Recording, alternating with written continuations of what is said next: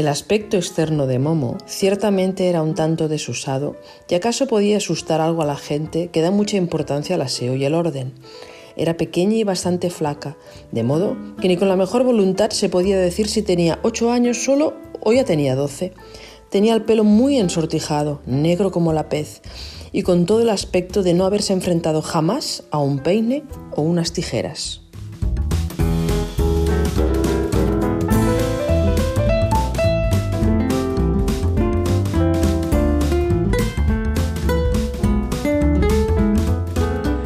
Sigueu benvingudes i benvinguts altra vegada a Tàndem. Comencem aquí un nou programa d'aquest podcast sobre literatura infantil i juvenil i mediació literària. Soc el Guillem, mestre, defensor de les biblioteques escolars i hobbit en potència.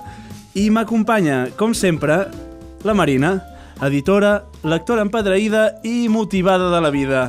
Hola Marina, està bé el teu genoll? Perquè he vist que hi ha hagut un petit mm, problema. Pensava que ningú ho hauria notat. Tinguts Sí. el clatell, soc Sí. mestre, és el que té. No me'l sento gaire, però, però bé, bé. Val, d'acord. Abans d'això estàs bé? Sí, estic bé, estic molt contenta, ja ho saps, perquè avui fem un programa Home, dels que d'aquells- t'agraden, Sí, eh? dels que m'agraden, dels que jo estic pressionant allà tot l'any perquè es facin, i són aquells programes dedicats a una autora o un autor concret. Mm-hmm. Fins ara hem pogut xerrar d'Astrid Lindgren o de Tove Johnson. Eh. Aquesta vegada xerram d'un altre il·lustre de la literatura universal, que és Michael Ende, i per què l'hem escollit? Per què, per què? Doncs perquè quan, quan fem la programació de la temporada, fem els nostres deures, ara fa 50 anys que es va publicar una de les seves novel·les més conegudes, Momo, i a més, eh, d'aquí uns dies se'n fa una adaptació teatralitzada al Petit TNC, així que teníem l'excusa perfecta per xerrar d'això. Sí, eh, no us diem on es poden aconseguir les entrades perquè estan exaurides. Sí, per tant, no es poden no, aconseguir. no serveix de gaire. Això que... dins, la no, dins el nostre calendari no estava previst, No. però benvingut sigui que s'esgotin les entrades per anar a veure Momo al Ah, TNC. bueno, sí, això també, clar. Um, doncs a veure això, si en algun altre moment la tornen a fer i qui s'hagi quedat amb les ganes de veure, doncs hi pugui anar. Tot i així, nosaltres avui estem molt ben acompanyats per una persona que mos podrà xerrar mm, les mil meravelles de- d'aquest autor i la seva obra, que és Josep Francesc Delgado. Benvingut a Tàndem. Gràcies. Bueno, abans de res, t'agraïm moltíssim que, que hagis pogut venir, que, que hagis fet l'esforç de venir fins aquí um, i que ens puguis bé explicar tot el que sàpigues d'aquest magnífic escriptor i que ens ajudis a conèixer una miqueta més del que, del que sabem. Uh, ara ve el moment del programa en què faig una petita biografia teva. Llavors, modifica, afegeix uh, tot el que creguis necessari, perquè aquí els, els guionistes fan el que poden i... mm. En tot cas, en Josep Francesc és escriptor. Fins aquí, més o menys? Val, perfecte. M'agrada quan fa, dic, comença la biografia, els miro i van fent, va, sí, sí, va bé, va bé. A veure, dins la seva obra hi figuren contes breus, novel·les i fins i tot poemes. Sí. Hem llegit que un dels fils conductors de la teva producció són els viatges, els contrastos de pensament que suposa aquesta trobada de cultures quan viatges, així. Efectivament. Ah, bé, doncs qui va escriure a internet ho sabia prou bé, doncs. Eh, entre altres, va guanyar el Premi Joaquim Ruïra amb la novel·la Si puges al... Espero dir-ho bé, Sagarta, Sagarmata, Molt bé. quan fumeja, Neu i vent, no em deixava la segona part. També el Premi Nacional de Literatura 1994 amb el signe de Durga o el Premi Josep Maria Folquí Torres amb Ull de Vellut. Per tant, multipremiat en diferents aspectes i, i àmbits i moments. Um, al mateix temps ha escrit d'altres llibres per a infants i altres poemaris, així com també diversos articles. Ho faig molt pel poc gros perquè si no ens, passaria, ens hi passaria molta estona que teniu la mania els que veniu d'haver fet moltes coses i llavors ens queda, ens queda poc temps. I hem de parlar de l'Ende. Exacte. Un altre dia seria perquè vingués a parlar de tu. En tot cas, també va ser cofundador de l'Associació de, de Joves Escriptors en Llengua Catalana. Ah, sí? Eh? I fin... has- Mira, has vist? Bé. I finalment ha escrit un assaig titulat El món de Michael Ende, vida, obra i antroposofia, cosa que ens va de perles a nosaltres uh Uh-huh. -huh. eh, pel, que, pel que ens toca, diguéssim. Ens hem deixat alguna cosa important, alguna cosa que creguis que és necessari mencionar? Que sóc molt dolent endevinant endevinalles, Ah, val. però en canvi m'agrada fer-ne. Ah, mira, I que he Perfecte. publicat dos llibres d'endevinalles, ja està. No hi afegiria res més. genial. I Guillem, jo crec que ja que te poses a fer biografies, uh, mos falta xerrar d'un convidat que jo crec que serà important, tot i que no ha pogut venir, uh, però hi serà molt present, que és Michael Ende. Sí. Si mos pots fer cinc cèntims biogràfics, Faig això... tot i que en xerrarem molt. Sí, ho faig així ràpid, només per, te per tenir una visió de, de qui és el personatge qui estem parlant. Michael Ende va néixer a Alemanya el 1929 i va acabar morint al mateix país, però l'any 1995. Va ser un escriptor de literatura infantil i juvenil. Fill d'un pintor surrealista, va tenir dificultats amb l'Alemanya nazi, així en general, i després ja, ja en parlarem. Va començar a guanyar popularitat amb la novel·la Jim Butó i Lluc el maquinista, després se'n va anar a viure a Itàlia, després va començar a guanyar fam mundial amb la publicació de Momo, el 1973, i La història interminable, el 79, i d'aquestes dues n'hem vist diverses adaptacions cinematogràfiques. A banda d'això, també té altres obres publicades com contes, poemes i fins i tot obres de teatre. O podríem destacar també un llibre que apareix, de fet, a l'assaig de, de, de Josep Francesc, que es diu Carpeta de punts, eh, on trobem diversos mm, assajos o, o, o textos, però podríem dir-ne autobiogràfics, no? Um, això és el resum més resumit que, que he pogut fer. Ja sé que m'he deixat mil coses i que Ja és, bé. és una obra interessant, però crec que val la pena que en parlem i així vagi sortint tot mica en mica. Com ho veus? Perfecte. Doncs mira, jo començ uh, amb, amb les preguntes. Uh, M'agradaria saber com vas conèixer Michael Ende? Doncs mira, a l'època que jo el vaig conèixer resultava molt fàcil perquè eh, als anys 70, que és quan ja estàs publicant algunes de les seves novel·les més importants, Momo i la història interminable, mm, aquí se l'estava traduint ja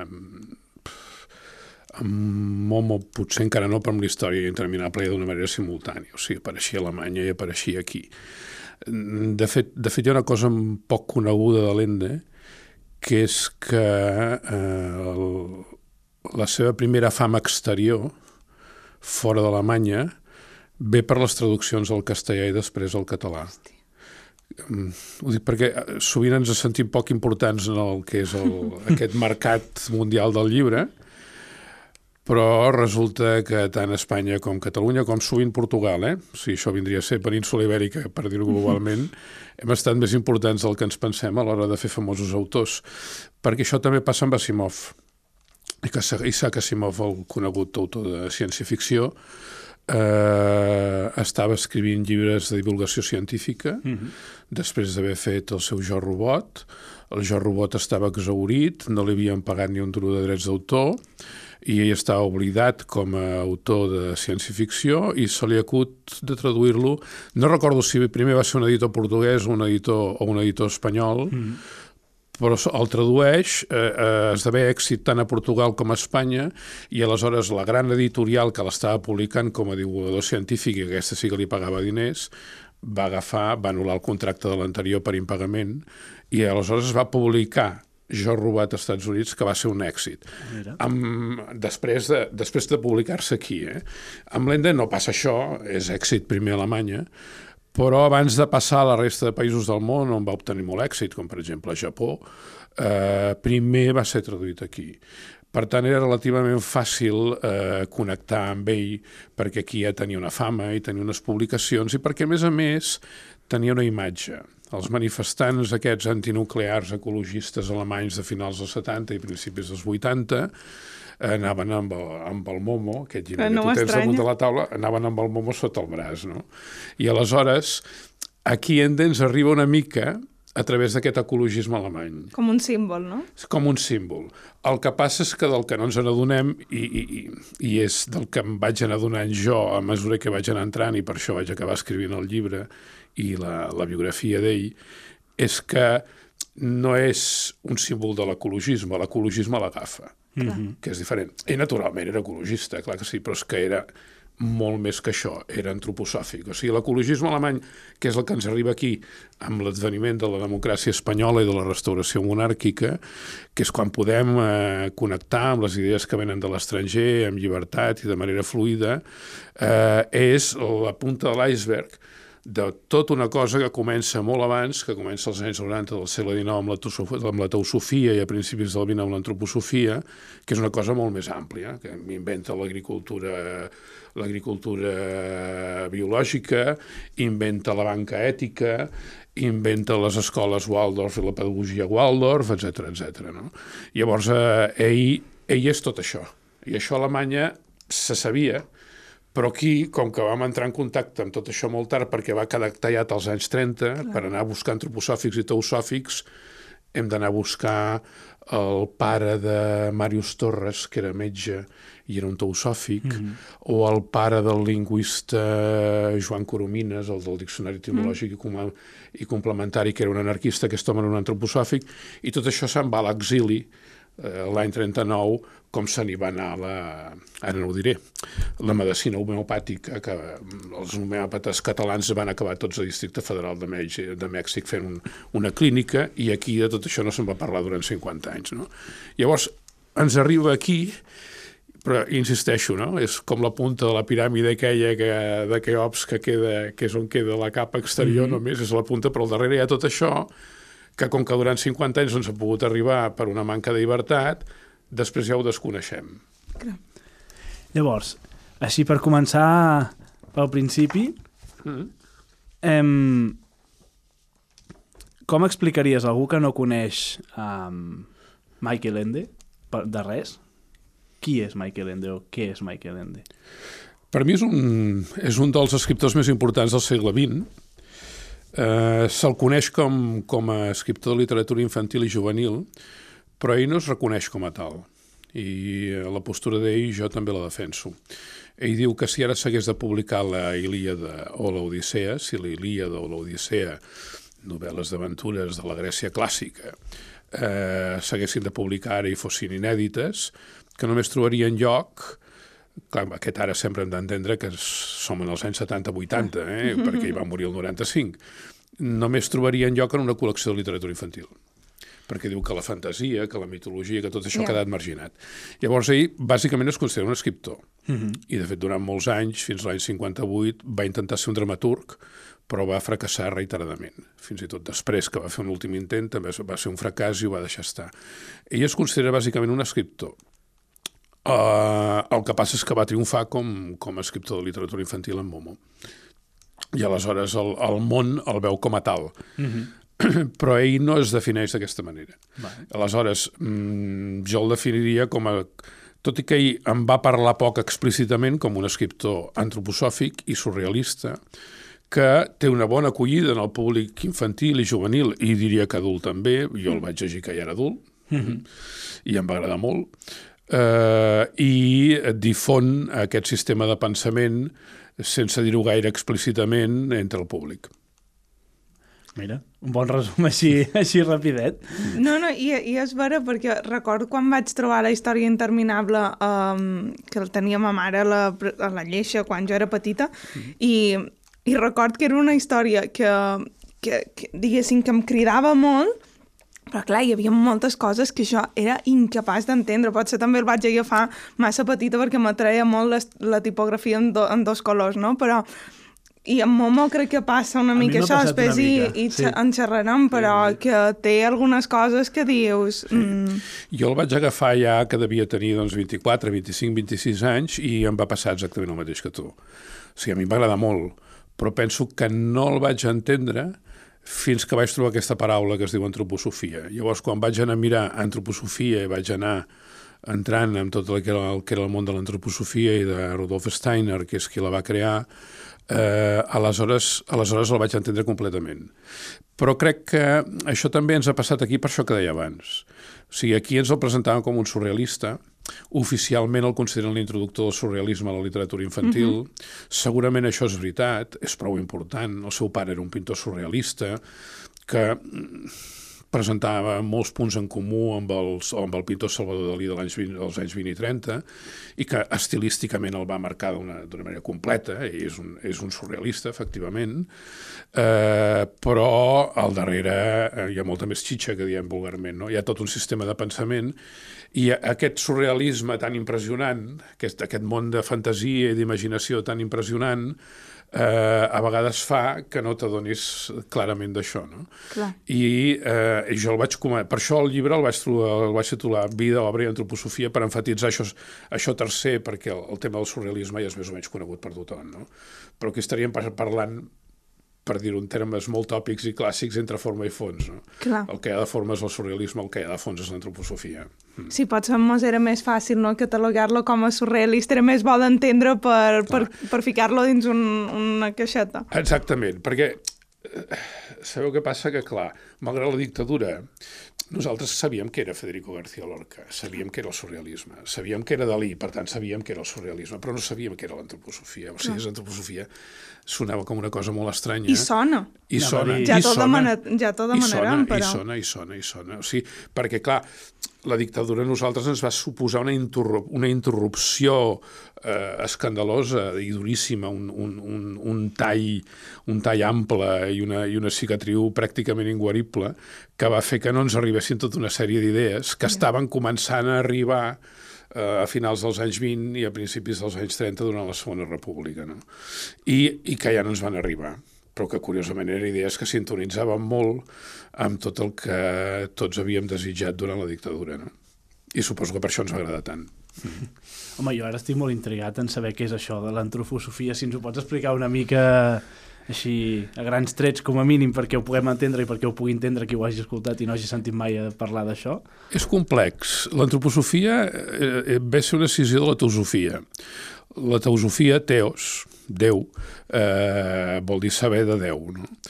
És, els teosòfics eh, comencen a articular-se a finals del segle XIX eh, d'una manera que en podríem dir econòmica o interreligiosa. O sigui, ells creuen que, que si el Déu cristià, que si el Déu musulmà, que si... No, diuen, anem, anem a estudiar Déu. No? Uh -huh. Aleshores aspiren a una espiritualitat eh, que no faci separacions religioses. No? Això és el que era el pare de l'Ende.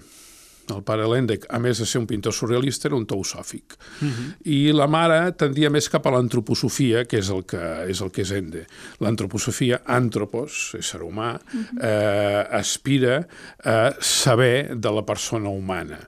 Però, com que ve de la teosofia, ho integra tot en un tot, en un tot i valgui la redundància espiritual. No? Eh, aleshores, els, els antroposòfics dic, eh, definir-los políticament com d'esquerres o de dretes seria erroni. Eh? De fet, mm, ell es mostra tan anticomunista com anticapitalista. Mm -hmm. Michael Ende és anticapitalista. Eh? O sigui, això els de la CUP els agradaria. Eh? És anticapitalista. I a Momo se nota molt. I a Momo es nota molt. Però no ens hem d'enganyar, eh? Ho dic perquè quan jo vaig començar a llegir pensava, mira, és d'esquerres. No, no, probablement també és anticomunista. En una de les seves entrevistes diu eh, els comunistes, el, el marxisme està bé com a mètode d'anàlisi del sistema capitalista, perquè ens ensenya les seves deficiències i les seves males intencions. Diu, però no ens enganyem, eh? el, comunisme, el comunisme és un capitalisme d'estat. Yeah. Ho diu en aquestes paraules. El comunisme és un capitalisme d'estat. Mm -hmm. no? Aleshores, els, els antroposòfics que defensen? Doncs defensen un model diferent. Un model on els diners eh, siguin només un valor de canvi no un valor especulatiu. I això també ho diu d'una manera molt clara. Eh? Diu, no pot ser que els diners que fem servir ho diu, el, el cito bé textualment, eh? diu, no pot ser que els diners que fem servir per anar a comprar el pa siguin diferents dels diners que es fan servir per comprar accions. Uh -huh. Diu que són uns, uns, uns diners diferents. Llavors, en una altra entrevista diu, això ho està dient ja no sé si era l'any 90, eh? està dient, no podem continuar d'aquesta manera, perquè si continuem d'aquesta manera, d'aquí 10, 15 o 20 anys ens anirem literalment a passeig, que és el que va passar, és el, sí. és el, que va passar el 2008. Clar. O sigui, què hi ha per part de l'antroposofia? Hi ha una crítica molt contundent i frontal del capitalisme especulatiu. Mm -hmm. Aleshores, ells què defensen, què defensen? Doncs defensen, en primer lloc, la fraternitat, defensen posar per davant que el, cada ésser humà individual el que ha de fer és realitzar el seu propi jo i la seva pròpia vocació i que el que s'ha de fer és atendre els desitjos de cada ésser individual i no sacrificar-lo a una economia de mercat. Momo, ja en parlem de, després, aborda molt directament això. Totalment. D'una manera, manera molt directa, i va tenir problemes de publicació, tot i que ja havia estat un èxit com una casa uns anys abans amb Jim Butó. va tenir problemes de publicació perquè els alemanys deien ui, això de realitzar el propi jo i la realització personal i tota la... Ui, ui, ui, ui. va tenir problemes de publicació, al final es va publicar, eh? però li va costar. I de les diverses uh, novel·les que ens han arribat aquí, um, que, en, que ens, probablement sonen més a, a qui ens escolta, com podria ser el Botó i el Lluc el maquinista, Momo, la història interminable, què creus que tenen en comú aquestes novel·les i, i què tenen de diferent? Tenen molt en comú, que és que totes són, uh, tenen un, un, una inspiració pel que fa a la creació de personatges, de mites, d'ambients, de, d'espais eh, molt clarament surrealista i eh, també alhora són antroposòfiques. Eh, segurament d'aquestes tres que has esmentat, la més antroposòfica és, és Gimbutó. I eh, la més surrealista és l'última, la del 1979, la història interminable. Momo um, ve ser un pont entre les dues, eh? però totes comparteixen aquests aspectes. Sí que obeeixen a moments molt, vitals molt diferents de l'autor. Ell abans d'escriure Jim Butó havia plegat d'escriure.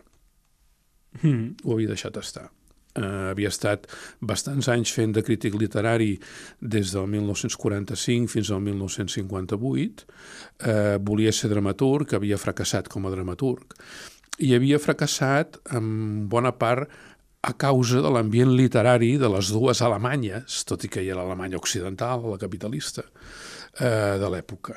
Per què? Doncs perquè en aquella època a Alemanya i a Europa primava el realisme i el realisme crític de tall marxista. O sigui, curiosament, a l'Alemanya capitalista yeah. primava el teatre de Bertolt Brecht, mm. que era de realisme supercrític i marxista, i a l'Alemanya oriental doncs, també un teatre marxista. Llavors, un autor absolutament fantasiós en aquest ambient Clar, això... era un incomprès. Llavors no va trobar qui el publiqués. Tant hi va quedar que al final se'n va anar a Roma. Va marxar a Itàlia. Estava literalment tip dels, dels seus propis nacionals, dels alemanys. Va marxar. I aleshores un il·lustrador que es deia Franz Tripp el van a veure amb uns dibuixos. O sigui, Momo, curiosament, no comença amb la lletra escrita, comença amb els dibuixos i li ah. ensenya els dibuixos eh, amb un nen negret, eh, i la locomotora, i tot això. I diu, per què no fas alguna cosa? I ell li diu, no, no, jo és que he plegat d'escriure. No? I llavors el, el Franz, que pel que sembla era molt fan del que ell escrivia, eh, li va dir, home, va, escriure, i li va fer molt el pesat. Mm. I al final va dir, bé, però escriure una cosa completament fantasiosa i veuràs que no ens ho publicarà ningú. I va dir, és igual, tu fes-ho. Li han d'agrair al Franz, llavors. Ja, sí, sí, eh, o sigui, el Momo existeix per l'empenta que li va donar el Franz, ell ja estava completament desanimat. No? I aleshores va ser el Franz mateix qui va intentar gestionar la publicació. Durant un any ho va oferir a unes 10 editorials i totes ho van rebutjar. Totes. Ningú va voler publicar. Al final la que feia 11, 12 o 13, que em sembla que era Arena Berlac, eh, el va publicar, però el Gimbutó tenia mil pàgines i van dir això serà il·legible pels nens. Mm -hmm. I li van demanar de fer-ne dos volums i en va fer dos volums, es va publicar i va esdevenir un èxit de vendes immediat, entre altres coses perquè suposo que els infants del 1960 estaven tan absolutament farts de realisme i tan necessitats d'imaginació, els infants alemanys, vull dir, que, que se'l van menjar com galetes. No? I va esdevenir un èxit fulgurant. A partir d'aquí se suposa que ell no ha de tenir més problemes per publicar, però com dic, amb la segona, que és Momo, que és la més crítica respecte a aquest sistema capitalista, eh, també va tenir problemes, però finalment es va publicar i amb la que no va tenir gens de problemes, es va traduir d'una manera pràcticament immediata a 20 llengües, va ser amb l'història interminable.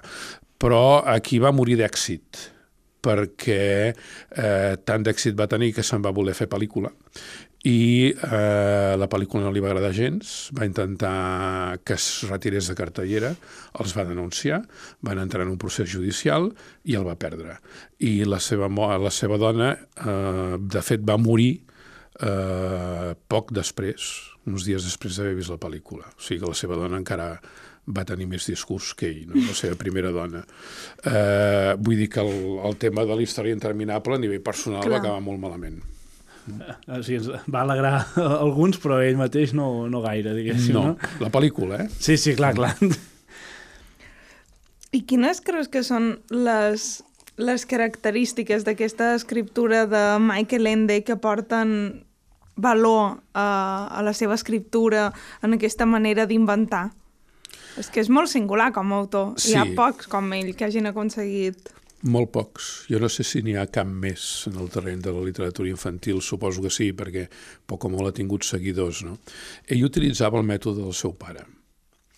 El seu pare deia, jo m'estiro en el divan, ho poso tot a les fosques, eh, començo a fer ioga. Una de les coses que els antroposòfics porten cap aquí, que nosaltres ens pensem que ho van portar els anglesos, no. El que porten, les coses que porten els antroposòfics en aquella època és el ioga. Llavors, ell no en diu ioga, però quan ho descriu ja, ja veus que és ioga. Diu, m'estiro en el divan, ho deixo tot a les fosques, em quedo immòbil i intento deixar la ment en blanc. bueno, això és el ioga. Eh? Eh, I aleshores diu, quan he deixat la ment en blanc, comencen a sorgir imatges a la meva ment que jo no controlo.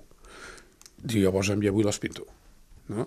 Llavors, el mètode de l'Ende és una mica el mateix. Quan veiem aquell lleó de la història interminable que a mesura que va caminant va canviant de color, òbviament això no té cap sentit de, de realitat, eh, només té sentit en la surrealitat. Això és una cosa completament imaginativa i fantasiosa. No?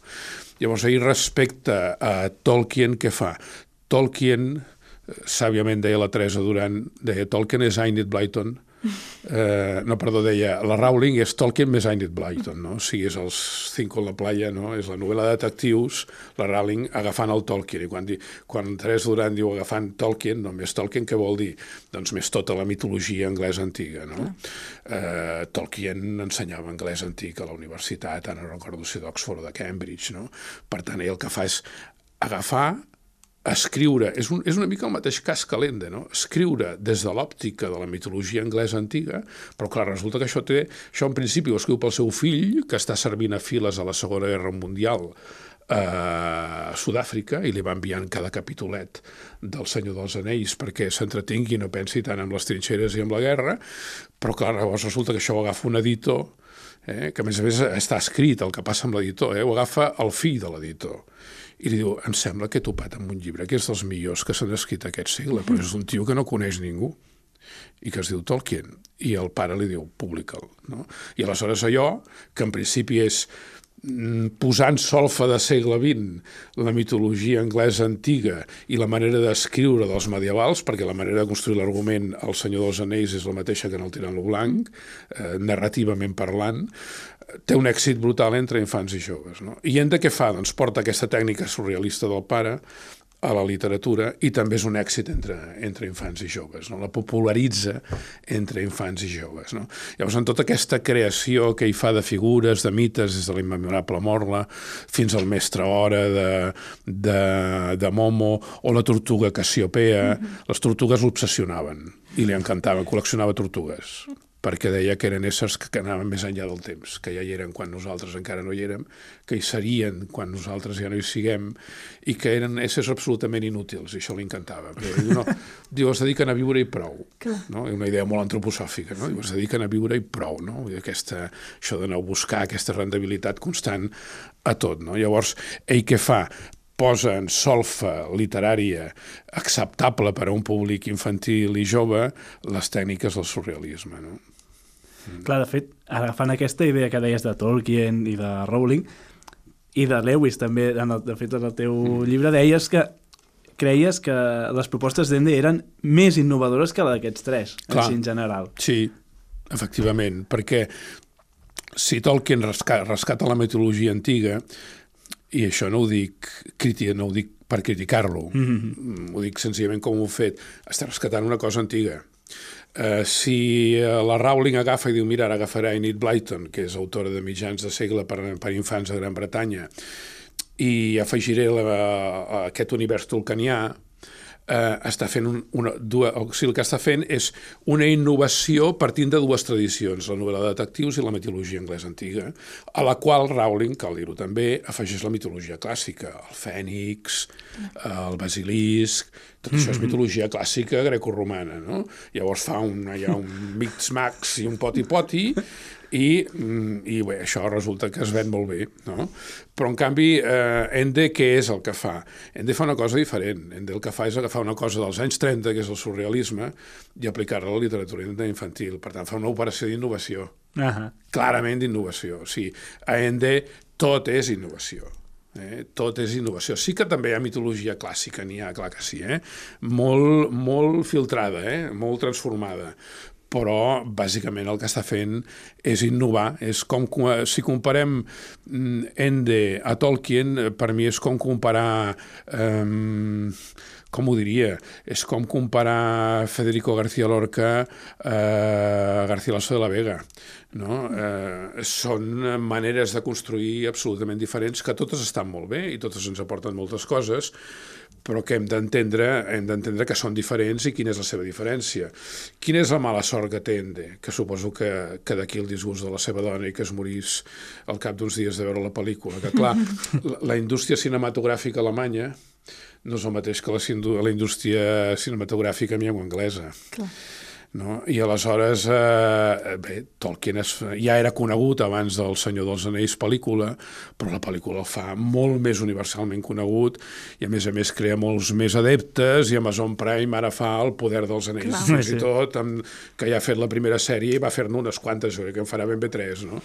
En canvi, amb ell qui el filma són els alemanys, que clar, la seva capacitat filmogràfica i de distribució és molt diferent. Clar. Llavors ell aquí no està de sort. Però si a Ende l'hagués agafat la indústria anglosaxona, que no l'ha volgut agafar probablement perquè era alemany, eh, jo crec que el món veuria molt més pel·lícules d'Ende que de Tolkien. Mira, ostres tu, són dures declaracions. No, dures no, però vull dir que són declaracions interessantíssimes. És la realitat. Eh? Amb els autors catalans passa una cosa semblant, no? no. Clar, encara és més dur. És una qüestió d'infraestructura, no? Exacte. És un tema d'infraestructura, sí. sí, sí. Total.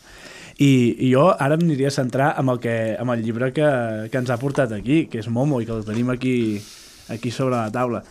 Um, què té d'especial aquest llibre? Així, en, en en comparació amb la resta de llibres que va escriure de novel·les, què és el que la fa especial? El New York Times jo penso que que el va definir amb molt poques paraules i molt bé. Va dir, és un conte de fades sobre el temps robat. És un conte de fades sobre el temps robat. Jo ho vaig trobar sensacional, això. Vaig dir, és que millor, més ben dit, impossible. No? A Momo tenim els homes grisos, que es dediquen a anar per les cases i a dir-li a la gent mira, si ens doneu temps, si el poseu a la caixa d'estalvis del temps, nosaltres us tornarem temps amb interessos, no? I després resulta que aquest temps es converteix en unes flors que ells agafen els pètals i se les fumen perquè és el que necessiten per viure. O sigui, no són ben bé éssers humans, no es diu que siguin extraterrestres, però són una cosa estranya, que el que fa és dedicar-se a fumar, a fumar-se el temps de les persones i deixar-les sense temps. No? Que hi ha aquí? Hi ha una crítica, hi ha una crítica molt contundent del nostre sistema de vida que, que ens obliga a treballar i, i ens deixa sense temps, no? Eh, el que hi ha és això, o sigui, el, el sistema de vida de, de, de finals del segle XX. No? És actual aquesta crítica? Jo crec que sí. Jo crec que tot i que el llibre és del 73, és perfectament actual perquè tot i que durant la primera meitat del segle XX i finals del XIX hi ha aquestes grans lluites obreres per aconseguir aquesta cosa tan misèrrima de la jornada de 8 hores, mireu què està passant a França, no? que ara estan passant la jubilació del 62 al 65 i la reopció de les tècniques de les noves tecnologies que ell anomenava acceleradors, per tant veia d'una manera crítica, no, no volia escriure amb ordinador, Eh? Mm -hmm. Primer escrivia a mà i després passava a màquina, com el Josep Maria Espinàs. Bé, el Josep Maria Espinàs escrivia directament a màquina, ell primer a mà i corregia i després, i després a màquina. Doncs aquestes noves tecnologies que han fet ens han robat més temps. Bàsicament el que han acabat fent és robar-nos els temps. I ara quan venia cap aquí, per la ràdio es deia que, que clar, que s'ha de controlar això dels mòbils, perquè que l'empresa tingui el teu mòbil i el teu WhatsApp i, mm. fa que eh, no em puguis desconnectar ni al cap de setmana, no? que és clar. una cosa que ja s'està parlant els últims anys. Per tant, eh, diguem, el, el, nostre, el nostre temps robat a finals del segle XX i principis del, del XXI eh, torna a augmentar Per tant, eh, l'obra, no m'estranya que s'hagin exaurit les entrades i, i, ho, i ho celebro molt, eh? L'obra és de plena actualitat. Home, jo quan ho llegia a mi em va, em va anar directe a, la, a, a mi mateix. Pensava, ostres, potser he pactat jo amb el sony, amb els, amb els, amb els lladres del temps i no ho sé. Perquè com que, no, com que la seva gràcia és que després no te'n recordes que has estat amb ells, clar, no? Clar, però fixa't que, clar, què vol dir que t'està interpel·lant? Sí, sí, totalment. Totalment. Llavors, clar, si tu reps la, si tu reps la interpel·lació i dius, ostres, potser jo també hi he caigut, no? Vol dir que és un clàssic, que és actual, perquè, clar, t'està interpel·lant 50 anys després. No sé què passarà d'aquí 50 anys, eh? Però eh, vol dir que com a mínim 50 anys els ha aguantat bé, sí. És que el moment que es troba, que veiem el primer lladre del temps el, en acció amb el barber, no? Eh. que li comença a comptabilitzar tots els segons Clar. que gasta i li diu, mira, ta mare, total, ja té demència, millor no passis l'hora que l'inverteixes. Aquesta senyora està sorda, no és rendible, fora. Uh, la senyora que t'agradava, millor la vas a veure un cop cada dues setmanes. El Sí. periquito, millor mm, el dones a algú, no? Com, com al final aquesta... Jo últimament m'inquieta molt aquest, com a societat, com som incapaços del no fer res, no? Que és una mica el que, Ah, exactament. el que apadrina la Momo, d'estar sense fer res, sense pensar la utilitat de totes les coses, en què invertim el nostre temps, de sentir-nos productius, la punyetera paraula, productivitat, no? La productivitat, sí senyor. Clar, jo suposo que això també topa molt amb la mentalitat anglosaxona, eh? El que passa és que el, el que no hem dit i que potser hauríem de dir és que, clar, en aquest sentit també per nosaltres, que, insisteixo, coneixíem poc el món de alemany alternatiu i progressista d'abans del 1933, quan, quan puja al poder el Hitler, eh, tot això ens mostra una altra, una altra mena d'Alemanya, no? que és la que veiem en aquelles manifestacions antinuclears quan va començar la democràcia i que vam veure després quan els ecologistes van començar a obtenir representació en el Bundestag. No? O sigui, és una manera molt diferent de veure les coses. I, i, i bé, efectivament, això hi és. No solament això, sinó que, a més a més, també hi ha el tema de la socialització i de la solitud. No? Momo està com, com apartada, Sí. aïllada en, en un teatre. Mm. Viu en un amfiteatre, de fet, no? Runes. que és? Que l'amfiteatre és l'art, que està en runes, no? És l'art, és la socialització, és el teatre. Eh, I llavors el que ens ve a dir bé és que estem molt sols, no? Que és el que també apareix a Bastian, el protagonista de la història interminable, que és un nen que està molt sol. No? Té un nom en alemany, això. Els, que la, la traducció és els nens de, de les claus, que són els nens que arriben a casa i obren en clau perquè els seus pares no hi són perquè estan treballant. Mm. Que és aquesta Alemanya dels anys 50, 60 i 70 que estan tots treballant per fer el primer país industrial i econòmic d'Europa que, que és el que ha estat fins ara. No? I aleshores ell parla també d'aquesta solitud i d'aquest aïllament. A mi hi ha una cosa que m'ha flipat de, de la novel·la i és els seus personatges. O sigui, però no només el, el principal, sinó no només Momo, sinó tota la resta que surten, els trobo fascinants. Els seus dos millors amics, no? També, que, no sé, ho trobo... Sí, sí, sí, i aquest nivell crea mites.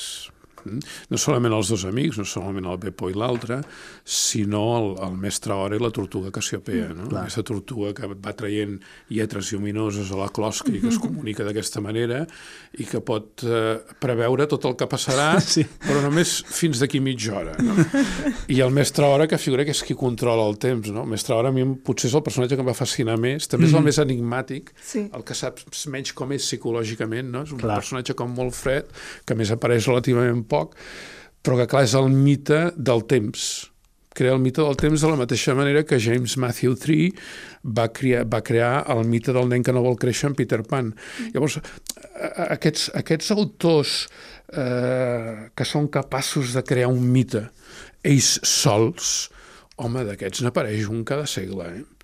Eh, o sigui que són, són molt infreqüents. Els mites, Venus, Afrodita, Mart, etc etc etc, eh, fins que no els comença a crear Hollywood eh, a, a través dels seus actors, a través de Marilyn Monroe, es, es, són creats per civilitzacions senceres. Mm -hmm. Llavors, escriptors que ens creïn mites eh, ells sols, eh, que són escriptors d'una capacitat creativa raríssima, n'hi ha molt pocs, no? Matthew Thrine és un i Ain és un altre. Ain és un altre, no? Per exemple, el mite de fantasia, no? Aquest territori que, com passa la història interminable, no? Que el Mordor es va menjant tot el territori eh, perdó, la història interminable, el Senyor dels Anells, no? que Mordor mm. es va menjant tot el territori de, de la Terra Mitjana, eh, a, a, a fantasia, el, la fosca es va menjant tot el territori de la fantasia. No? Sí. Eh, I bé, aquí també estem davant de creació de, de, de mites o, o d'un mite. No? I aquest mite què és? És mm, aquest temps robat que se'ns va menjant la nostra capacitat imaginativa, no? que mm, al final eh, les seves obres acaben lligant totes. Sí. Eh? Llavors, es- escriptors d'aquesta capacitat de generació, amb aquesta capacitat de creació i generació de mites, n'hi ha molt pocs, eh? Molt pocs. No, no, i a més amb la capacitat aquesta de, de crear, bueno, això, una mica amb aquest surrealisme, no?, de crear un carrer que si vas més lent vas més ràpid, un carrer que t'has de girar i que te'n vas cap endavant, tot això és, és espectacular, o sigui, que, que arribis a pensar-ho només, sí. Trobo O, meravellós. o el tornaveu que en comptes de decréixer, creix eh, a Gimbutó. Mm -hmm. no? O el gegant que a mesura que se't va apropant es va tornant petit. No? És que no, no, a veure, no ens ho acabaríem, eh? No, no, podríem anar Si dient. podríem estar aquí quatre hores, o sigui Clar, que callo. per, perquè a més, um, Michael Ende, la, la importància que li dona a la imaginació és la que ell s'aplica no? per crear la seva història. Mira, Sí. vas tirant amb el llibre dins el llibre, però aquí el, el Gigi, la seva capacitat per explicar històries i fins i tot la Momo des de la passivitat de saber escoltar tot el que desenvolupa. Exactament, que Momo, Momo és aquesta qualitat la que té la saber escoltar, sí senyor, que clar, vol dir entendre, comprendre i comunicar-se, no? Clar. Saber escoltar, no? que bé, ja no tenim ni temps per escoltar, és, és una de les coses que ens vindria a dir, no? Sí. No, no, és que, és que m'agrada molt aquest superpoder, diguéssim, de, del saber escoltar, vaig trobar-lo... Clar, perquè el del Gigi mm, podríem xerrar si ens queden bons contadors d'històries, que, que sí, no? Però com hem perdut la, la capacitat mm. d'imaginar, però clar, al final el Bepo eh, és aquesta capacitat que Twitter ens ha robat completament, que és pensar Frenar, molt frenar. abans de parlar, no? Mm. I, I que ha més del que un diu i que, que, són, que són realment eh, habilitats que hauríem de tornar a incorporar a la, a la vida moderna. Efectivament, i en aquest sentit cridar una mica l'atenció als responsables de les conselleries d'Educació i ministeris d'Educació que van introduir els ordinadors tan alegrement ara ja fa 30 anys, no? Mm. Eh, I que fins i tot es van potenciar moltíssim ara fa 10-12 anys, no? Cosa que no es va fer d'altres països d'Europa, perquè primer hem de mirar com això afecta la nostra manera d'entendre i d'aprendre, no? i llavors veure si realment ens interessa o no.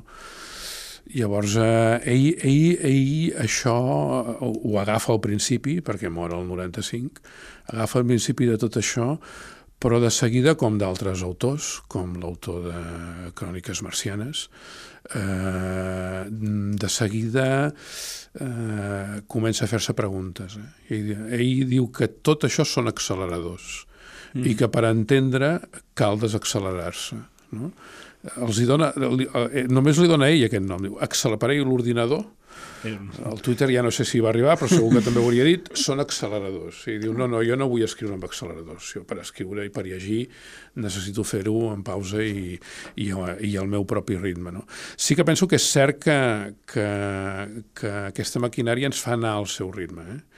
i que això està presentant molts problemes. Sí. L'altre dia per TV3 mateix, que no és pas sospitosa de ser, de ser antiordinadors, es deia, no sé si era TV3 o 324, però en tot cas era un d'aquests dos canals, es deia que els joves que a la universitat prenen encara punts en paper, que en queden poquíssims, copsen el 90% del que el professor està dient i que en canvi els que estan prenent punts en portàtil copsen només el 60%. Bueno, això el David Bueno ens ho, Sí. sí. ens ho explicava neu neuro neurocientíficament, diguéssim, que la capacitat del cervell, quan veu un full o quan està en una pantalla, com que És la pantalla diferent. ell ja preveu, per saber allò que està fent és tota l'estona preveure opcions, que dins la pantalla hi pot passar moltes coses, ja d'entrada ja està menys concentrat que no en una cosa de paper que sap que només hi ha allò. Mm. Una cosa, eh, ho he que jo crec que d'aquí però... d'aquí 10 anys ens en penedirem molt de, de, de la introducció de segons quines tecnologies en, en els àmbits educatius. Molt. Jo crec que venim 10 anys, eh? Sigui, jo crec que, que aquesta sensació que estàs descrivint ja l'estan tenint més gent, l'estan tenint més professors i que cal fer una reflexió calmada i tranquil·la però seriosa sobre aquest tema. Ende, des del principi l'anava incitant, eh? i fins i tot d'altres autors, com l'autor de, de Cròniques Marcianes, eh, bé, es va negar que els seus llibres es posessin, es posessin en suport electrònic, no es poden posar, que deu ser l'únic en el món que ho ha fet, ara ja fa anys que és mort, eh, i ho va tenir claríssim. No? Mm, bé, mm, suposo que, clar, després d'haver escrit Fahrenheit, eh, tenia molts motius eh, per fer-ho, sí.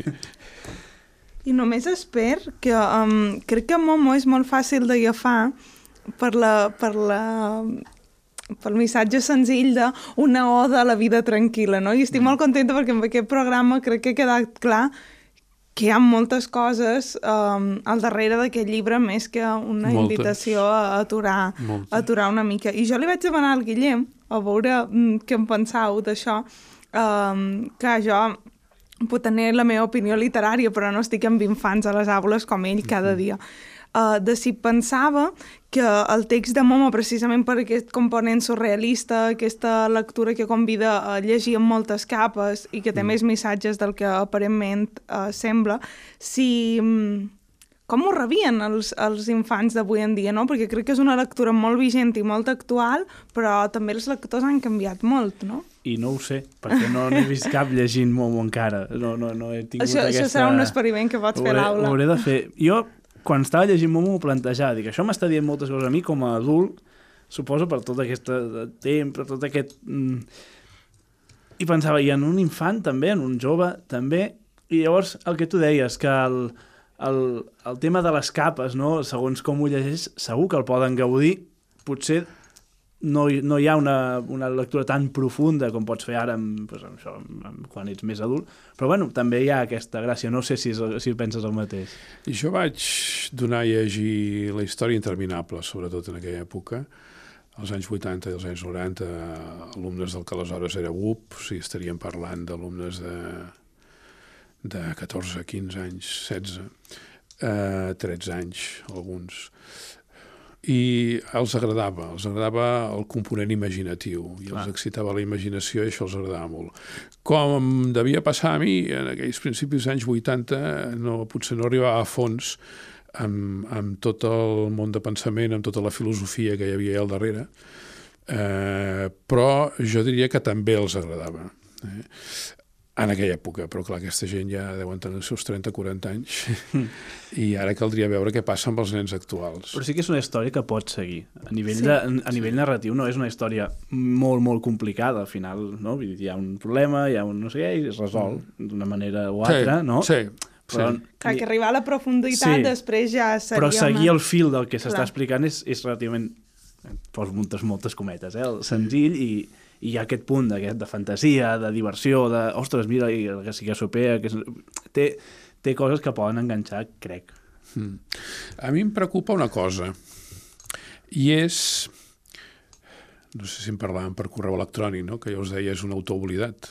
No? Mm.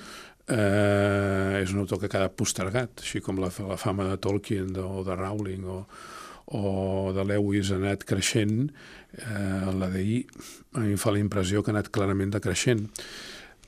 Però passa una cosa, que en canvi la seva influència en el món literari i en el món cinematogràfic, sobretot el, de, el món cinematogràfic de fantasia i de ciència-ficció, mm, per mi ha estat molt intensa i alhora molt poc explícita i molt desconeguda.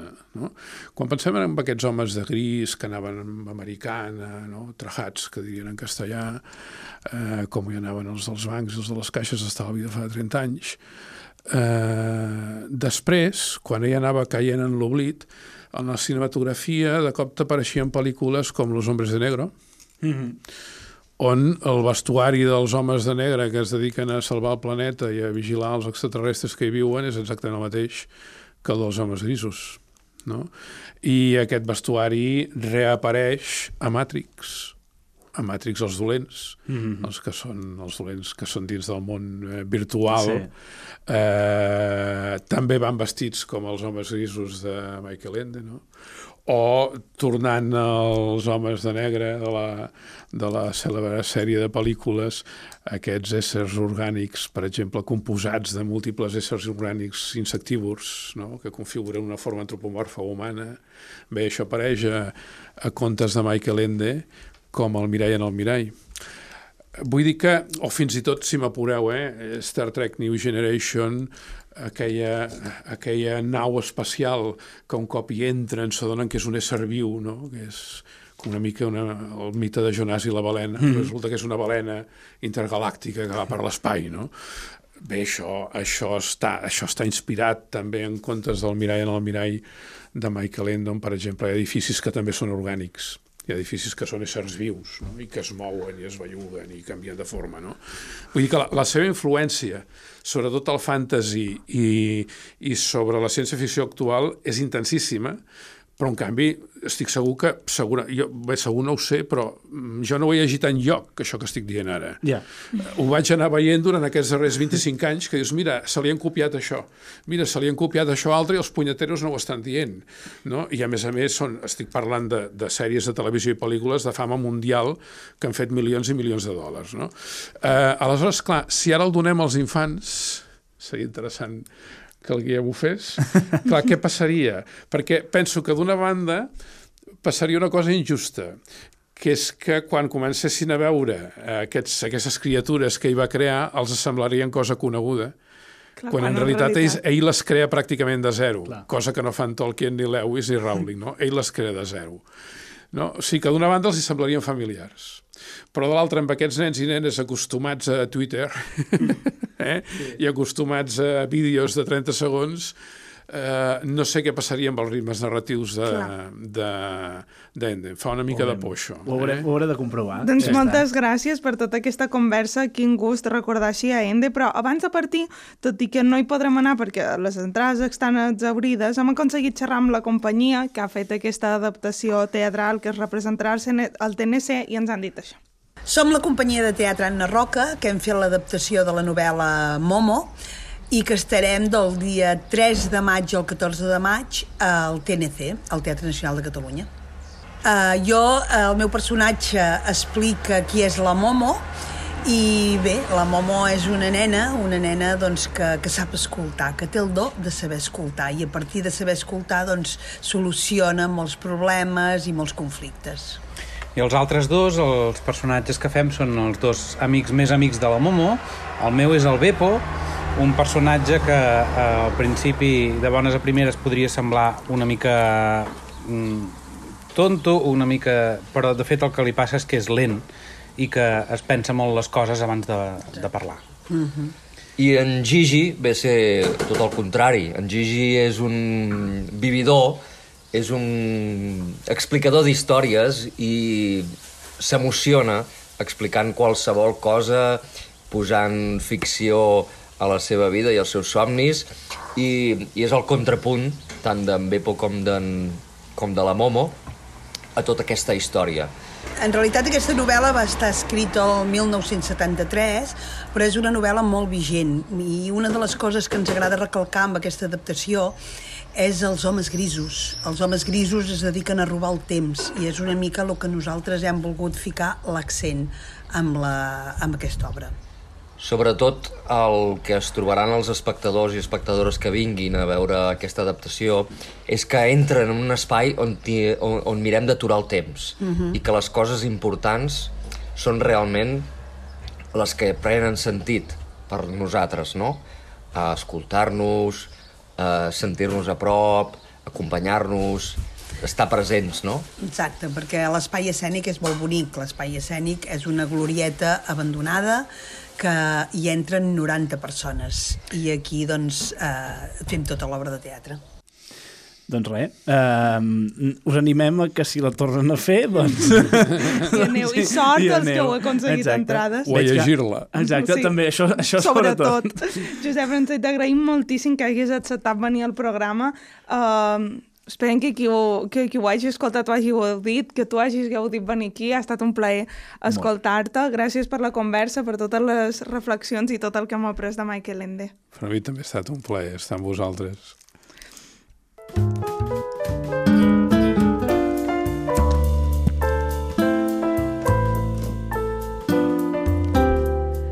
Si aquest episodi t'ha deixat amb ganes de més, en trobaràs totes les notes a tandemlish.cat. També estem a les xarxes socials com Tandemlish. La producció, el guió i la idea d'aquest programa és de Guillem Fargas i Marina Llompart.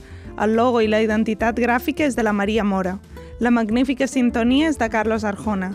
El disseny gràfic és de la Cristina Rubió. El culpable del so que aquesta temporada sigui una fantasia és el nostre tècnic Jordi Bartomeus i la responsable que ha fet que puguem utilitzar les instal·lacions de BTV és la Núria Ferrer. Gràcies al Josep Francesc Delgado pel seu temps i per fer-nos estimar una miqueta més l'obra de Michael Ende. I finalment, gràcies a tu per la confiança. Gràcies per escoltar-nos i recomanar-nos. Així ens fas arribar una miqueta més lluny.